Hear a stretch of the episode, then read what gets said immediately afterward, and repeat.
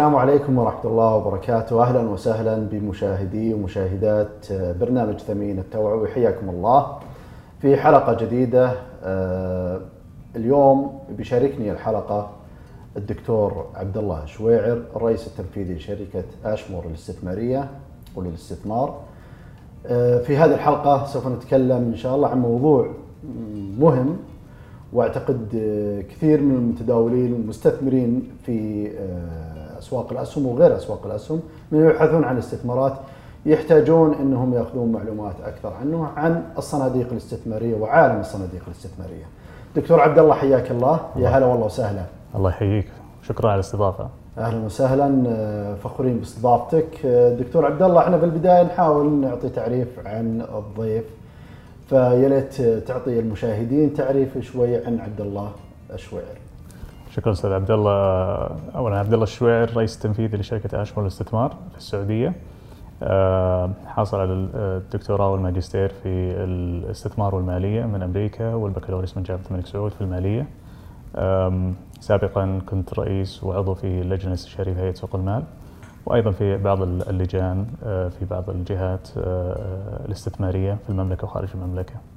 ما شاء الله. طيب يا ليت الدكتور عبد الله تعطينا تعريف عن الصناديق الاستثماريه، تشرح آليتها ومجالاتها وطرق عملها على أساس ان المستثمر يستطيع أن يفهم بشكل سليم هذه الصناديق كيف تعمل وبالتالي إحنا بنشرح له إن شاء الله كيف الآلية إنه يختار صندوق استثماري يناسبه ومن ثم كيف يختار الصندوق الأنسب له من بين عدة صناديق تعمل في نفس القطاع اللي هو يحتاج إنه يستثمر فيه. كتعريف للصناديق الاستثمارية هي وعاء استثماري مجمع لأموال المستثمرين قد يكونون أفراد أو جهات اعتبارية أو طبيعية. آه، هدفها الرئيسي آه، آه، الاستثمار في استراتيجية معينة آه، لتحقيق عوائد أعلى أو تنافس آه، عوائد مؤشر استرشادي للاستراتيجية الاستثمارية. آه، فعلى سبيل المثال تكون بعض الصناديق الاستثمارية مركزة على نوع أو نوع من أنواع الأصول. وأنواع الأصول تكون إما أسهم أو آه، آه، أدوات دين مثل الصكوك آه، أو صناديق اللي تحاول أن تستثمر في الملكيات الخاصة بمعنى أنها تشتري في حصص أغلبية أو في شركات في قطاعات معينة هدفها الرئيسي هو النمو وأيضا التخارج بأرباح عالية.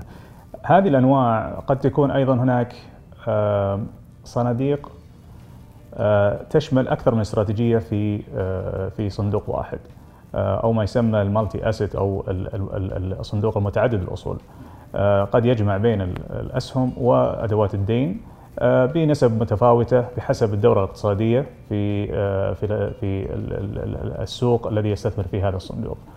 آه، مناسبة الصناديق آه، آه، يعني والهدف يعني الرئيسي آه، يعني أو ميزة الصناديق الاستثمارية أنها توفر جهد ومال آه، في كثير من الأحيان على آه، على المستثمر آه، الفرد. المستثمر الفرد في الغالب ليس عنده دراية في كيفية اختيار مثلا ال- ال- الأصل أو السهم مثلا أو عدة الأسهم في في سوق معين. أو إذا كان هناك للم- للمستثمر هدف أنه يستثمر خارج السوق المحلي يحتاج أنه ينوع ويقلل من وجوده في في سوق واحد وفي دورة اقتصادية واحدة أن يتعدد في الدورات الاقتصادية بحيث انها قد يكون هناك في ارتفاع في اقتصاديات أخرى في أجزاء مثلا في معينه أوروبا مثلا أو في أمريكا أو نعم. في آه، آه، شرق آسيا. نعم. آه، في إما في جغرافيات معينة أو حتى في دول معينة. قد تكون هناك يعني أحداث آه، اقتصادية إيجابية آه، مثل اكتشاف بترول، اكتشاف آه، آه، آه، أو تحسن في في في البيئة الاستثمارية آه، في بعض القطاعات. آه، طبعا ال- المستثمر الفرد آه، آه، قد لا يكون عنده الوقت ولا عنده ال- العلم و- آه، وال- والقدرة والقدرة. نعم. المتابعة. فعلا لأنها تحتاج متابعة آه، آه، مستمرة وأيضا في عملية إعادة توازن مثلا المحفظة الاستثمارية بأوزان معينة في أوقات متفاوتة صح. هذه قد تغيب عن المستثمر الفرد البسيط. المستثمر أو مدير الصندوق يفترض دائما إنه يكون شخص احترافي آه، متخصص آه، لديه القدرة آه، والعلم في إدارة هذه الأنواع من الأصول وأيضا في عملية اتخاذ القرار الاستثماري الأفضل لمصلحة الملاك, الملاك في هذه الصناديق الاستثمارية. يعني خلينا نزيد على كلامك إنه مثلا من الأشياء بغض النظر عن صناديق الأسهم السعودية أو الأسهم بشكل عام يعني فرضا واحد حب إنه يستفيد إنه يحط فلوسه في مرابحات. اليوم على أساس إنك تأخذ على سعر كويس في المرابحات لابد إنه يكون مبلغ كبير على أساس إنك تحصل على آه، سعر أفضل في المرابحة. فكل كم كبر المبلغ كل ما كان فرصتك أفضل في المناقشة والمفاوضة مع البنك. واحد عنده مية ألف ريال ما يقدر يحصل أو يدخل على هذه الأسعار الجيدة إلا إذا كان من ضمن أصول كبيرة تقدر هي تتفاوض مع بعض وتاخذ سعر كويس. لذلك صناديق مثلا المرابحة قد تكون أفضل للشخص إنه من إنه يكون يحطها بنفسه في آه، مع البنك وياخذ سعر من البنك. إذا حطه مع صناديق المرابحة ياخذ سعر أفضل آه، في في استثمار هذه الأموال. فبالتالي واحدة من الفوائد لصناديق الاستثمار إنك وكونك مع مجموعة كبيرة أموال كبيرة تدار إنك تحصل على عائد أفضل من إدارتك بنفسك في أشياء محددة العوائد يعني خلينا نقول مو بزي الأسهم زي صناديق المرابحات. صحيح. أتفق معك ما في شك. آه، في هذا الأمر لأن إحنا نتكلم مثلا عن اقتصاديات الحجم. إنه دخولك في هذا الاقتصاد في في هذا الصندوق مثلا المرابحات واللي هي الودائع الإسلامية آه، السعر آه، ب 10000 كوديعة إسلامية أو مرابحة ليست مثل 100 مليون. نعم. بينما هذه الصناديق تعطيك الحرية في الدخول حتى والتخارج بأوقات قصيرة جدا ولكن أيضا تستفيد من العوائد العالية من المبالغ المجمعة في هذا الصندوق. ففي في هذا النوع من الأصول. طبعا آه، آه، وهذا وهذا وهذه الحالة وهذا المثال ذكرته آه، أستاذ عبد الله أعتقد ينطبق على أشياء كثيرة أخرى حتى في الملكيات الخاصة. أنت لا تستطيع أن تشتري آه، شركة كاملة. صح. آه، أو أنك تشتري آه، تستحوذ على جزء من شركة. هناك تعقيدات قانونية وأيضا هناك التزامات نظامية على حملة الأسهم في الشركات بشكل مباشر. الصفقة كذلك يعني. نعم. إيه. تحتاج لها دراسات نافية للجهالة تكلفتها عالية آه، تحتاج ناس متخصصين آه، في هذا الحال آه، الصناديق الاستثمارية ومن يقوم عليها تعطي هذا الثقة عند المستثمر أنه يكون في يعني في أيدي أمينة إن شاء الله مع مدير الاستثمار مدير الصندوق ويعطيه أيضا مجال في الدخول في هذه القطاعات. جميل.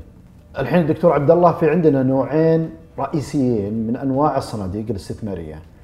آه، في نوع يسمونه الصناديق المفتوحة وفي الصناديق المغلقة. الصناديق المفتوحة هي يمكن الأكبر والأكثر آه، تعارفا و آه، يعني قريبة من الناس لأنها هم اللي يشوفونها كثير في السوق. الصناديق المفتوحة عددها كبير وتتداول في عدة آه، قطاعات عدة أنواع من الأصول الاستثمارية. ف تعطينا شوي تعريف مبسط عن الصناديق المفتوحة وأنواعها. الصناديق المفتوحة زي ما تفضلت أستاذ عبد الله هي آه، متاحة للجميع.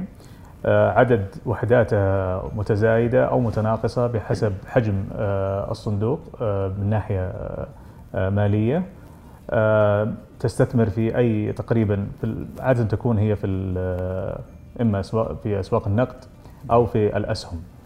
آه، ميزة هذه الصناديق أو الصناديق المفتوحة أنها تكون متاحة للتداول بشكل يومي أو بشكل دوري عادة تكون يعني محددة في نشرة إصدار الصندوق.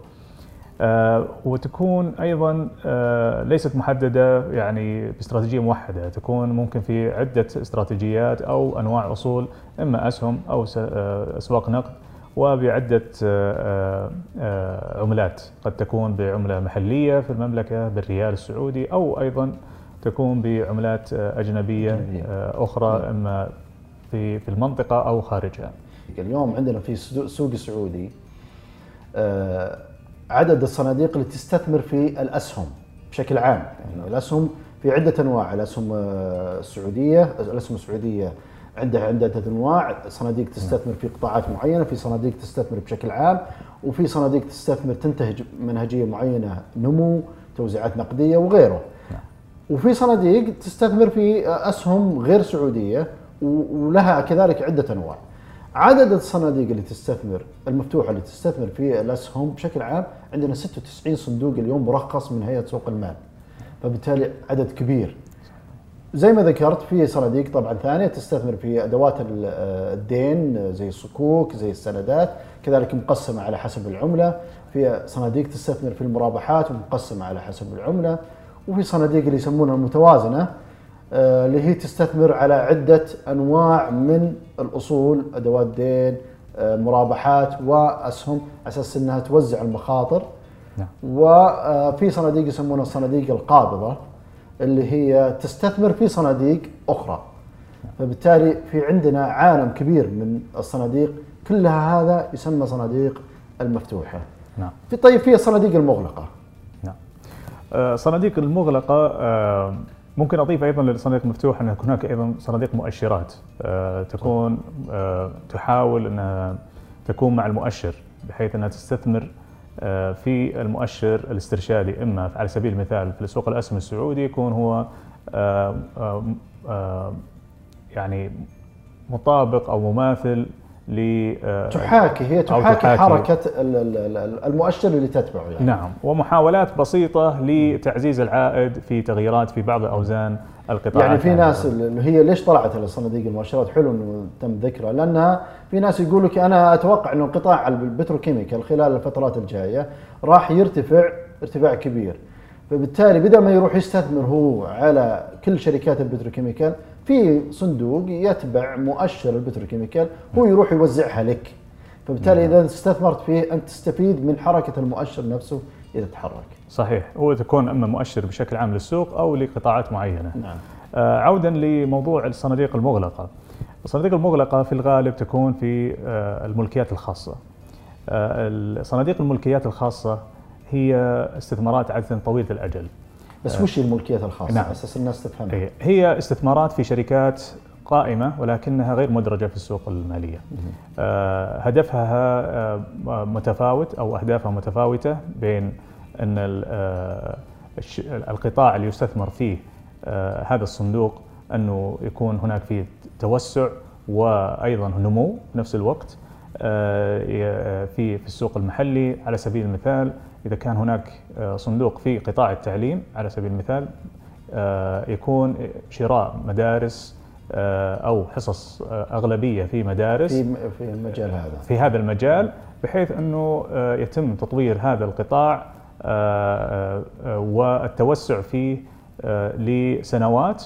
وبعد يكون هناك في فترة استقرار في أعمال هذه الشركات تكون آه، قد تكون أيضا آه، وقت مواتي للإدراج أو التخارج آه، بأرباح يعني تكون أفضل بكثير أو متوقع أنها تكون أفضل بكثير من ما يكون الاستثمار في شركات مدرجة على سبيل المثال. جميل. لأنه في ال- الشركات الغير مدرجة يكون هناك أحيانا فرص والفرص هذه تكون غائبة عن كثير من المستثمرين. فمدير الصندوق واجبه انه يبحث عن أفضل الفرص الغير معلنة في السوق المالية المدرجة. ف ويكون قد يكون أيضا هدفها في الأخير أنه يكون تدرج هذه الشركات المستحوذة أو مثلا على سبيل المثال المدارس أنها تكون آه، مدرجة. تدرج في سوق ال- ال- ال- الأسهم. سوق الأسهم نعم. وبالتالي يتخارج الصندوق بالكامل من آه، نعم. من الاستثمار هذا. نعم. آه، كذلك في من أنواع الصناديق المغلقة الصناديق ال- ال- العقارية. صحيح. آه، تعتبر واحدة من الأنواع الصناديق المغلقة اللي تكون تطوير على مشروع معين وبالتالي ينتهي هذا المشروع ويباع ويسترد آه، الملاك كامل الحصص مع أرباحهم. في عندنا طيب نوع ثالث اللي طالع الآن اللي هو هجين ما بين هذا وهذا اللي هو صناديق زي الريت. نعم. اللي هو هو مغلق وقابل إنه يكون مفتوح طبعا إنه يكون في زيادة رأس مال ويتداول كذلك في نفس الوقت في سوق الأسهم. فبالتالي هو يجمع آه، مميزات من هنا ومن هنا في الصناديق. صحيح طيب دكتور عبد الله نروح الآن بعد التعريف عن الصناديق الاستثمارية بشكل عام. اليوم المستثمر قدامه هالعدد الكبير من الصناديق وهالانواع هذه. بيقول أنا كيف أعرف أختار أي نوع من هالصناديق وليس الصندوق لكن كيف أختار النوع يعني هل يناسبني صندوق يستثمر في الأسهم السعودية أو بالأسهم بشكل عام؟ هل يناسبني إني أستثمر في صناديق الريت؟ يناسبني إني أستثمر في صناديق مثلا آه، الودائع، طيب أنا إذا بغيت أستثمر في صناديق المرابحات متى وكيف الوقت المناسب لي؟ وهل أستمر معاهم ولا أروح آه، صناديق اسهم؟ بالتالي الخلطة الاستثمارية أو اليوم الموجودة قدام المعروضة قدام المستثمرين ممكن ما تكون واضحة لهم وتسبب لهم شوي ارباك إنه كيف يختار النوع اللي يحتاجه من هذه الاستثمارات. المستثمر آه، الفرد خصوصا آه، لابد قبل أن يتخذ قرار استثماري آه، أن يكون عنده ثلاث أشياء مهمة يحددها قبل اتخاذ القرار الاستثماري، اولا آه، الهدف آه، أو العائد المستهدف من الاستثمارات. وهل هذا العائد يكون بمجمل عائد بعد سنوات أو في حدث معين ينتظره خلال مثل شراء بيت أو منزل أو سيارة أو يعني دفع رسوم دراسية لأطفاله أو أنه يحتاج دخل متكرر آه، خلال السنة كل شهر كل ثلاثة أشهر يحتاج آه، دخل معين. آه، ونسبتها من رأس المال الذي يعني يرى أنه يعني أو رأس ماله في الاستثمار هذا. الهدف الثاني الهدف أو المخاطر المستهدفة من يعني اللي ممكن يأخذها هذا هذا المستثمر. هل أو قابليته للأخذ آه، يعني نوع من المخاطر آه، عالية متوسطة أو قليلة وهي حقيقة آه، تختلف من شخص لشخص فمن يراها قليلة المخاطر قد آخر يراها مرتفعة مرتفعة المخاطر. وهنا يأتي دور إنه الاستشارة من جهات مختصة مستقلة عن مدير الصناديق لأنه قد يعطيك نصيحة لكنها قد لا تكون آه، مستقلة. الشيء الثالث قد يكون أيضا عنده محددات أو يعني شروط معينة في هذا الاستثمار بمعنى أنه قد يأتي هذا المستثمر يقول أنا لا أريد أن أدخل في قطاعات معينة إما لاعتبارات اجتماعية أو أو غيرها أو شرعية آه، أو أنه أيضا اقتصادية لا يرى ان هذا بعض القطاعات تكون آه، أيضا أنها ذات آه، عائد متوقع عالي في فترات معينة إما في المدى القصير أو المتوسط أو البعيد. هذه يفضل أن تكون مكتوبة وهي تسمى عادة في كثير من الجهات الاستثمارية وثيقة سياسة الاستثمار. فكل شخص فرد يكون عنده سياسة استثمار آه، يكتب فيها آه، أو بشكل يعني آه، بقدر الإمكان مفصل أهدافه من العوائد وأيضا قابليته لاتخاذ مخاطر في بعض هذه الاستثمارات وأيضا وأيضا محددات أخرى.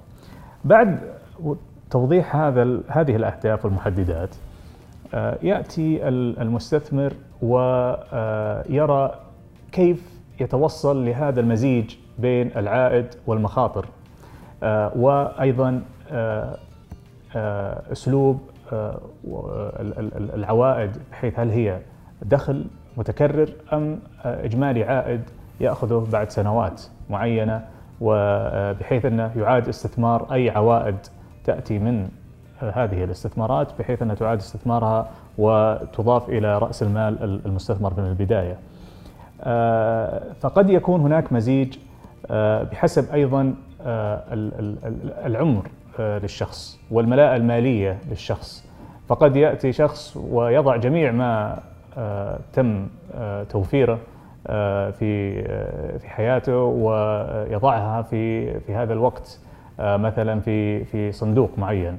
لكن قد يرى آخر يضع مثلا 10 أو 20% وهنا تختلف المخاطر وأيضا العوائد المتوقعة.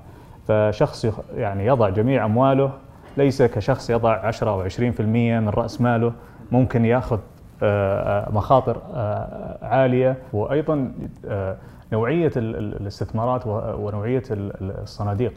آه، أيضا تأتي بعدها إذا فهم آه، التركيبة. بمعنى على سبيل المثال كم يضع في الأسهم وكم يضع في أدوات الدين. وقد يكون هناك تخصيص معين للملكيات الخاصة. آه، ففي هذا المزيج بشكل أو أيضا العقار. إذا كان هناك بما أنه هناك الآن في فرصة للدخول في الصناديق العقارية المتداولة أو معروفة بالريت هذه آه، آه، تعطي آه، مجال الآن أوضح للمستثمر بيحدد ما هو من هو المدير أو مدير الصندوق أو مدراء الصناديق قد يكون يضع في الأسهم عند أكثر من مدير صندوق وبحيث أنه أيضا ينوع بنفس الوقت. لكن كيفية اختيار هذه الصناديق أعتقد أيضا تحتاج إلى آه، تأني آه، وبحث شخصي عن آه، من مصادر مستقلة عن هؤلاء مدراء الصناديق. مثل ما تفضلت قبل قليل عدد الأسهم صناديق الأسهم المتداولة في المملكة في السوق السعودي أكثر من 96 صندوق هذا عدد كبير جدا. أيضا قد يضع الشخص آه، المستثمر في آه، معضلة في اختيار المناسب منهم. لكن جميع هذه الصناديق بلا شك مختلفة في الاستراتيجيات. تجد بعضها مركزة على قطاع معين والآخر آه، إما قد يكون باستراتيجية أكثر شمولية في عملية الدخول في معظم القطاعات. ف وأيضا آه، هل الشخص يريد أن يضع جميع آه، الاستثمارات في السوق المحلي أم يريد أن ينوع في في في أسواق أخرى إما في المنطقة أو خارج المنطقة أيضا وبعملات مختلفة. هو في الأساس طبعا حاجة الشخص وزي ما ذكرت دكتور إنه هو مدى قابليته لأخذ المخاطر تحدد كثيرا نوع الاستثمار اللي ممكن يناسبه. لأنه مجرد ما يحدد الاحتياجات قد يخرج أنواع من الصناديق الاستثمارية خارج الرادار حقه اللي ممكن يسمح فيه إنه يستثمر. ففرضا لو إنه الشخص آه، مثلا مدى الاستثمار المبالغ اللي بيحطها مداها سنة أو سنتين أو سنة ونص أو ستة أشهر فبالتالي على طول الصناديق المغلقة تخرج من القائمة. صحيح. شيء طبيعي لأنها تأخذ على الأقل ثلاث سنوات أربع سنوات على حسب طبعا الصندوق. فبالتالي على أساس آه، آه، إنك تختار النوع لابد أن تحدد احتياجاتك. فإذا أنت كنت من نوع طويل المدة فبالتالي أنت يكون كل هذه الصناديق متاحة لك. تيجي مسألة المخاطرة هنا تعتمد. أنت تبي تأخذ مخاطرة عالية لسه في العمر في مقتبل العمر فبالتالي تقول أنا لو أخذت مخاطرة عالية وخسرت كل أموالي أنا ما عندي مشكلة أقدر أرجع مرة ثانية. غير اللي عمره 70 سنة 60 سنة عنده مبلغ التقاعد بيحطها باستثمارات ما يقدر يحطها في استثمارات معرضة إنها تخسر بالكامل. بالتالي يقول لا أنا ما أبغى أنا أبغى استثمارات تكون محمية أو يعني منخفضة المخاطر زي مثلا المرابحات. مرابحات يعني مخاطرها مرة متدنية بالتالي يحطها مع مدير صندوق أو أكثر من مدير صندوق مرابحات تجي عوائد أقل لكن المخاطر تقريبا انتهت المخاطر عنده في هذه العملية بدل ما يحطها مثلا صناديق أسهم أو صناديق مغلقة. أسهم مغلقة ممكن يخسرها حتى بالكامل ملكية خاصة. آه لا حطها في أشياء آمنة بالنسبة له. بالتالي أنت يا الشخص أنت اللي تحدد درجة أو ما هي الاستثمارات وما هي الصناديق الاستثمارية المتاحه لك.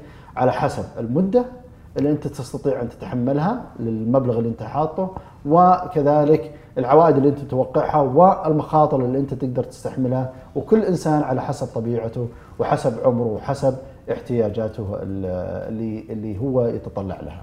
ما في شك. أعتقد نقاط ذكرتها أستاذ عبد الله جدا مهمة. أعتقد أيضا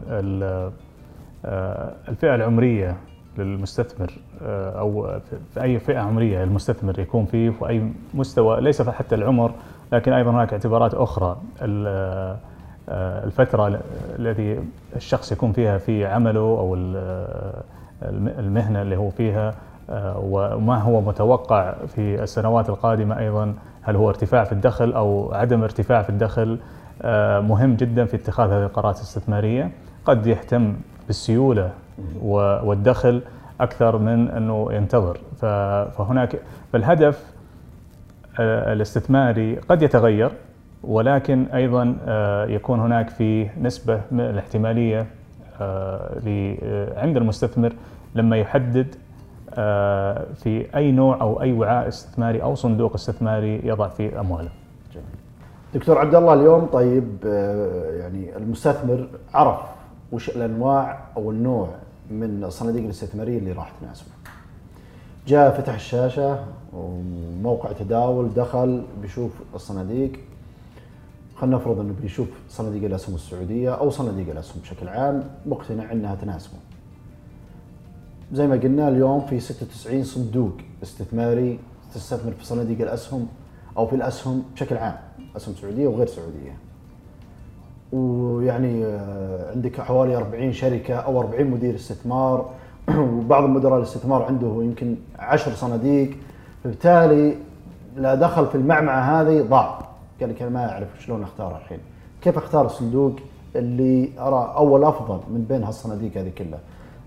نفس الكلام لو بغى يختار صناديق اليوم مرابحة وفتح شاشة تداول ويشوف استعرض الصناديق حيلقى صناديق كثيرة بالمرابحة.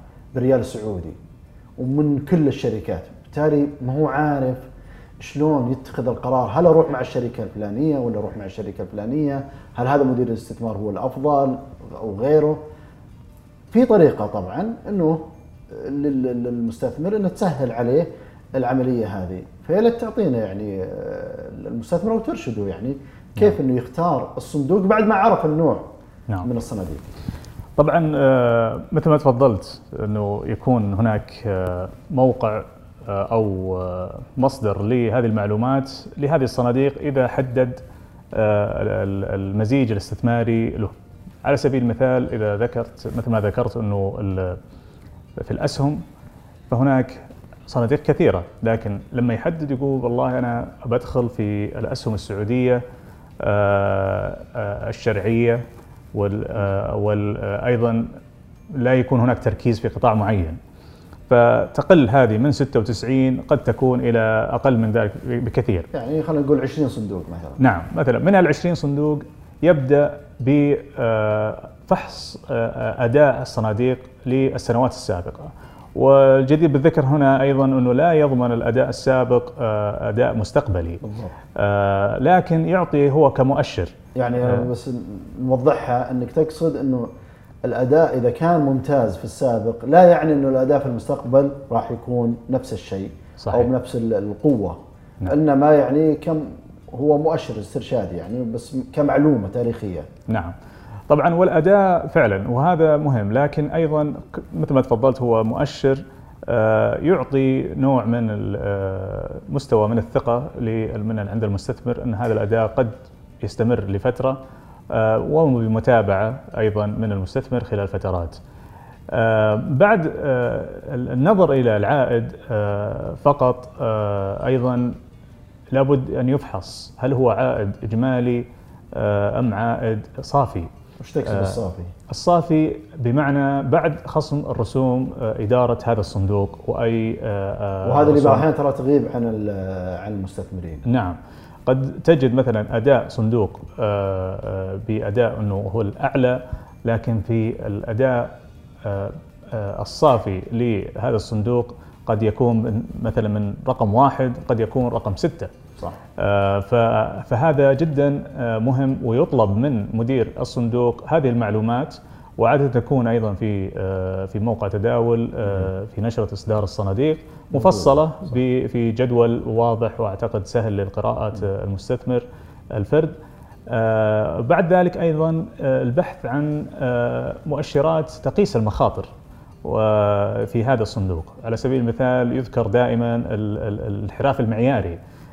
كمؤشر للاسترشاد كل ما ارتفع المؤشر الاسترشادي أو الرقم هذا ك يعني يكون كمؤشر استرشادي لمستوى المخاطر آه، فينظر آه، بالتوازن بين العائد وبين هذا المستوى المخاطر في هذا الصندوق آه، ليعطي آه، الأداء آه، بعد أخذ بعين الاعتبار ال- ال- ال- مستوى المخاطر. آه، تأتي أيضا آه، مدة الصندوق والسابقة في في هذه الاستراتيجية أيضا مهم وكيف إنه الأداء آه، غير آه، يعني متذبذب آه، بغير تذبذبات السوق طبعا إنه يكون متغير قد يكون إنه مركز على قطاع معين ولكن هذا غير معلن أمام المستثمر. فايضا فحص إضافي آه، بالتواصل المباشر مع مدير الصندوق وزيارته والتحدث معه على بعض النقاط والتعرف على مدير الصندوق آه، أعتقد أيضا هذه آه، آه، خطوة مهمة للمستثمر الفرد أن يقوم بها. فاحيانا فقط هذه يعني عملية تصفية أولية من الموقع تداول على سبيل المثال إذا أراد أن يستثمر في الأسواق المحلية في الأسهم على سبيل المثال هنا. فايضا زيارة لبعض مثلا من العشرين اللي تكلمنا عنهم قد يكون الأفضل منهم خمسة يزورهم ويجلس معهم وقد يكتشف يمكن أشياء أخرى غير موجودة في آه، المواقع ال- آه، مثلا في موقع تداول أو أي مواقع أخرى تقدم آه، معلومات مالية أو استثمارية عن هذه الصناديق. خلينا نضيف بعد إنه مسألة إنه الرجوع للاداء التاريخي ال- طبعا الأداء التاريخي كل ما كان أطول كل ما كان أفضل يعني إذا شفت أنتم على الأداء التاريخي آه، كان أداؤه جيد أو أكثر من جيد مستمر سنة بعد سنة بعد سنة هذا يدل إنه الإدارة تحت هذا الصندوق كانت جيدة انه دائما تحقق أداء جيد نرجع مرة ثانية إنه هذا مو معناه إنه بيتكرر معنا في السنوات صحيح. القادمة لكن هذه الأداة يعني واحدة من الأدوات السهلة بسرعة انه الواحد يقدر يحكم على الصناديق كيف آه، وضعه وكيف ال- الأفضلية. زيد بعد كذلك يا دكتور إنه آه، بعد ما أنت تسوي الفلتريشن أو التصفية اللي عملتها على الصناديق ولقيت الأفضل مثلا خلينا نقول إنك رجعت للأداء أفضل ثلاث سنوات صافي الأداء خلينا نقول صافي الأداء. ولقيت أفضل خمس صناديق من بين الأفضل خمس صناديق طبعا ما هو معناه إنك تروح للرقم واحد نعم. وتحط كل فلوسك فيها وأنت أنت عارف إنه هذا النمط من الاستثمارات مناسب لك لا وزعها على هذه الصناديق سواء تختار الخمسة وتوزعها بينهم أو تختار ثلاثة منها على حسب رغبتك وعلى حسب ما انت شايفه يعني. وتوزعها بينهم بالتالي انت عملت آه، كذلك خطوة أخرى في تخفيض المخاطر وتقليلها وتحسين الأداء بحيث أنه لو واحد منهم أخفق في السنة القادمة أو هذه السنة الآخر يكون أداؤه كذلك جيد معك. نعم. صحيح. هو يعتمد أيضا في هذه الخطوة بمستوى المخاطر آه، اللي يبحث عنها أو آه، يتغاضى عنها المستثمر. فإذا كان يعني آه، عنده آه، آه، مستوى مخاطر أو تقبل للمخاطر عالية قد يركز على صندوق أو صندوقين. صح. بينما لما يكون هناك لا آه، أنا أحتاج إنه أكون موزع هذه الأموال في هذا النوع من الأصول على سبيل المثال الأسهم ممكن يكون في أكثر من صندوقين أو ثلاثة. آه، مع المتابعة آه، وقد يكون هناك أيضا في فترة من الفترات آه، لا يكون التوزيع بالتساوي ولكن أيضا قد يكون هناك آه، آه، يعني آه، تحويل من بعض هذه الصناديق الاخرى آه، بحسب لأنها سائلة آه، يعني هي من النوع اللي ذكرنا سابقا أنها آه، مفتوحة وممكن تداولها بشكل آه، آه، آه، آه، تكرارا. أشكرك دكتور عبد الله يعني معلومات صراحة آه، مفيدة وأتمنى إن شاء الله أنها فادت آه، المشاهدين آه، دكتور عبد الله شكرا لك. شكرا لحضورك وإعطائك وقتك آه، للبرنامج. ويعني أتمنى إن شاء الله إن كنا آه، يعني خفيفين على المشاهدين آه، بإذن الله. إن شاء الله. شكرا أستاذ عبد الله ولفريق آه، ولهيئة سوق المال. ونتمنى إن شاء الله إنه سددنا في في هذا في هذه الحلقة بإذن الله تعالى. أعزائي المشاهدين شكرا لكم آه، على المتابعة وإن شاء الله نراكم في حلقات قادمة مع برنامج ثمين والسلام عليكم ورحمة الله وبركاته.